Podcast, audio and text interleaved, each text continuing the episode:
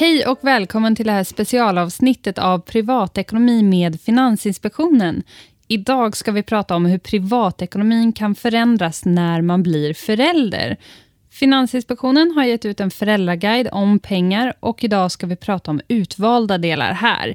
Vill du läsa hela boken så finns det på dittbarnoch.dinapengar.se. Jag heter Sofia Bursell och jobbar på Finansinspektionen. Tillsammans med mig i studion har jag min kollega Therese Wieselqvist Ekman. Hej Therese! Hej Sofia!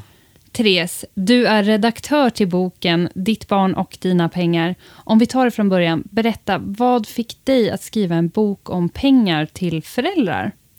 Ja, på Finansinspektionen jobbar vi med privatekonomisk utbildning. Det har vi gjort i 11 år. Och när vi fick det här uppdraget så var det så att man i Storbritannien gjorde ett material för människor som skulle få barn. Och sen dess har vi tyckt att det var en bra idé och nu var det läge. Ja, men varför just målgruppen gravida av alla? Ja, vi jobbar ju målgruppsanpassat och när man ska få barn, då är det ju en hel del som kan förändras i, inom privatekonomin.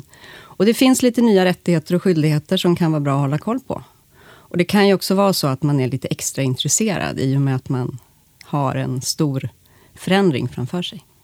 Men den här informationen till gravida om pengar, den finns väl redan där ute? Ja, absolut. Eh, vi har ju inte uppfunnit någonting nytt. Det vi ville göra var att samla ihop allting, för all den här informationen är utspridd på olika webbplatser, olika broschyrer.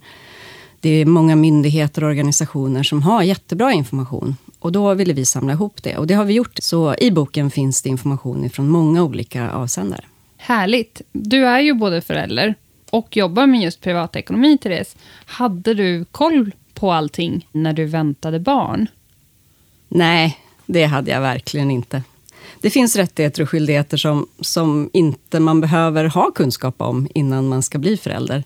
Jag hade väl bra koll på privatekonomi sådär som, som man har.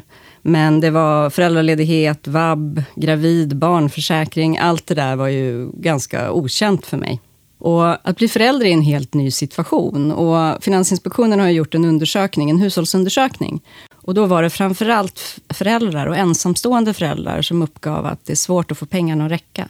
Och det här kan ju bero på många olika saker. Och med boken försöker vi i alla fall eh, göra det lättare att ta till sig den fakta och information som finns. Med kunskap kan man budgetera, planera, eh, förbereda sig ja. för det nya som händer. Ja, men jag som inte har barn, jag rör mig ju på ett helt okänt territorium när vi pratar just föräldradagar, vabba, barnrätter och vad ett barn egentligen kostar. Det finns ju jättemånga val att göra. Om vi kollar igenom boken hittar vi ju flera spännande delar. Var ska vi börja, tycker du? Jag skulle nog börja med att titta på det här med att planera ekonomin. Som gravid så har man ju tid att fundera lite på det här nya livet som väntar. Särskilt det första barnet innebär ju stora förändringar inom området privatekonomi. Och det finns ju många andra saker än pengar att tänka på såklart. Men om man sätter sig ner och kollar igenom hur det ser ut idag och hur det kan bli sen, så blir det ju lite enklare att planera alltihopa. Precis, vi vet ju båda att det kan vara dyrt att leva. Men när du får en till person att ta hand om och betala för, då kan ju ens månadskostnader förändras rätt dramatiskt, tänker jag. Therese, vad kostar egentligen ett barn? Ja, kostnaderna ökar och varierar i storlek under barnets uppväxt. Och vad ett barn kostar, det är ju beroende på familjens ekonomi och hur man vill leva. Men det första året under barnets liv brukar vara dyrast eftersom det är nya saker som behöver köpas. I samband med att barnet föds blir det stora engångskostnader för utrustning som barnsäng och barnstol.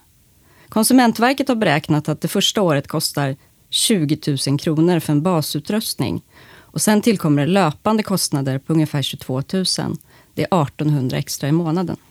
Det är ju väldigt mycket pengar med 40 000 kronor. 20 000 innan barnet ens är fött och sedan ytterligare runt 2 000 kronor per månad första året. Av de här pengarna har jag förstått att barnvagn är inräknat och att en barnvagn då i snitt skulle kosta ungefär 7 000 kronor. Det är ju väldigt mycket pengar. Ja, det är ju jättemycket pengar. Det kan vara en bra idé att göra en budget innan barnet kommer. Om du har möjlighet att spara till en buffert, så är det ju toppen att göra det redan nu. Då är man förberedd för oväntade och i det här fallet väntade kostnader och slipper låna pengar om till exempel barnvagnen går sönder. Om du ändå behöver låna så tycker jag att man ska tänka på att jämföra olika villkor. Ja, det är ju jättebra att jämföra sina lånevillkor. Men om man nu har köpt en ny barnvagn som sen går sönder, ska man då verkligen behöva köpa en helt ny barnvagn igen då? Ja, det beror på. Eh, konsumentköplagen gäller ju för alla. Det spelar ingen roll om du ska få barn eller inte. Och den ger ju dig som konsument en hel del rättigheter. En sak som är bra att känna till är att du alltid har rätt att reklamera en felaktig vara. Vilka regler som gäller det kan du läsa om i boken, men du kan alltid kontakta Hallå konsument eller din lokala konsumentvägledare om du har frågor. Och Det kan du göra både före och efter ett köp.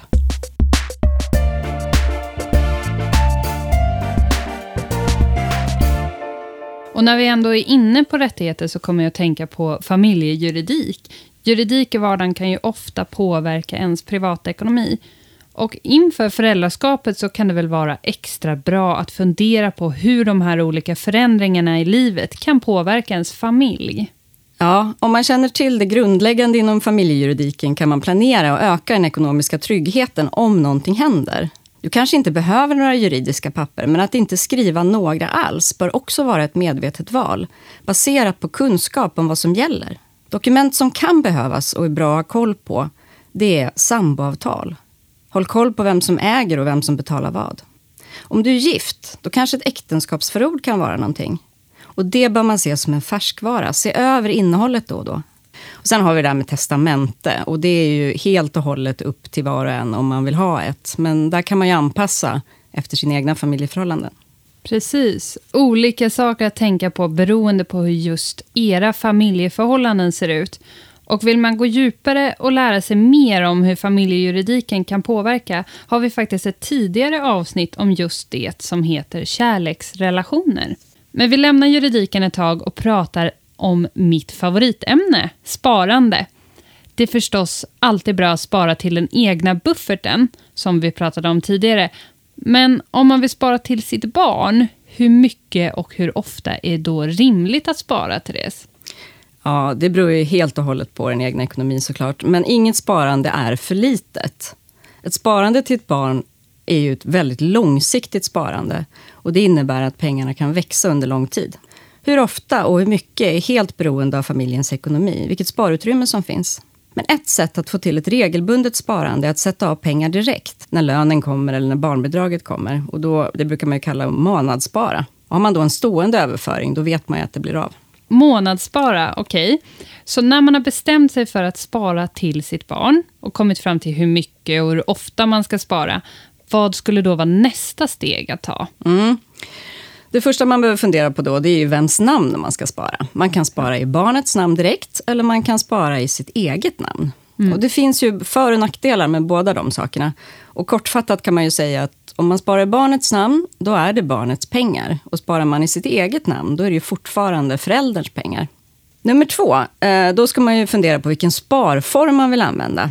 Några vanliga sparformer är ju sparkonto, fonder, aktier. Och vilken sparform som man väljer, det är ju helt och hållet upp till vilken risk man vill ta.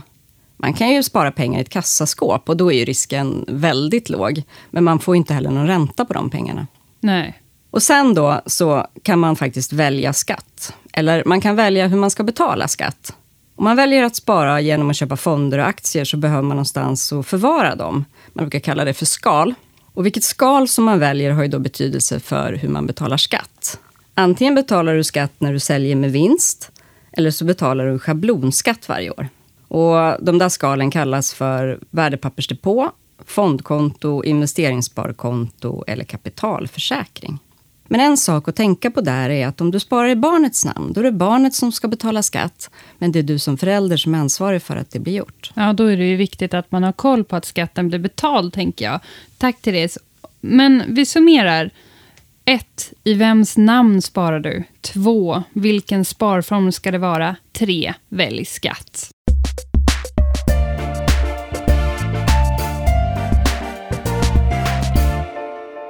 Då skulle jag vilja att vi går vidare igen. I boken tar vi upp försäkringar. Är det något särskilt som kan vara bra att fundera på? Ja, det finns ju olika typer av försäkringar. Socialförsäkringen, den får ju alla som bor och jobbar i Sverige. Den behöver man inte fundera så där mycket på. Men andra försäkringar, de behöver man ju faktiskt köpa. Och då är det ju bra att fundera på vad man verkligen behöver. En bra fråga att ställa sig är, vilken skada kan jag betala själv? Och vilken skada kan jag behöva försäkra mig emot? Grundidén i försäkring är att många är med och betalar en mindre summa för att den som råkar ut för något ska kunna få ekonomisk hjälp. De flesta behöver en hemförsäkring och det är helt oberoende om hur du bor. Och en anledning till att en hemförsäkring kan vara bra att ha det är att det är ett grundläggande paket som ger dig ersättning för dina saker men dessutom så innehåller det reseskydd, rättsskydd, överfallsskydd och ansvarsskydd.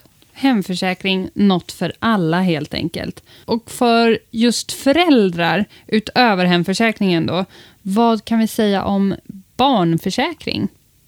Ja, barnförsäkring är ju en frivillig försäkring. Och det är ju bara du som förälder som kan avgöra om det passar dig och din ekonomi. Men om du vill ha en barnförsäkring så är det ett par saker som kan vara bra att tänka på. Det är bra att teckna barnförsäkringen tidigt, för en försäkring täcker aldrig skador som har skett innan försäkringen tecknas. Och ett annat tips är att fundera igenom nu innan om du vill ha en barnförsäkring och vilken du vill ha. Så slipper du fundera på det under den första tiden med den nya bebisen. Men det finns ju många försäkringsbolag och många olika försäkringar. Så ett tips kan ju vara att jämföra dem. Det kan du göra på konsumenternas webbplats, konsumenternas.se. Jämföra är ju bra. Och eh, vi kan ju konstatera att planering verkar vara A och O för det mesta när man väntar barn. Eh, när barnet sen har kommit då till det, då är man ju ofta föräldraledig. Men vad är egentligen föräldrapenning? Ja, föräldrapenning är pengar som du får för att kunna vara hemma med ditt barn istället för att arbeta, söka arbete eller studera. Det är en del av socialförsäkringen. Med föräldrapenningen kan du vara hemma med barnet i långa sammanhängande perioder, enstaka dagar eller bara några timmar. Du har stor frihet att planera din föräldraledighet för att det ska passa just dig och din familj.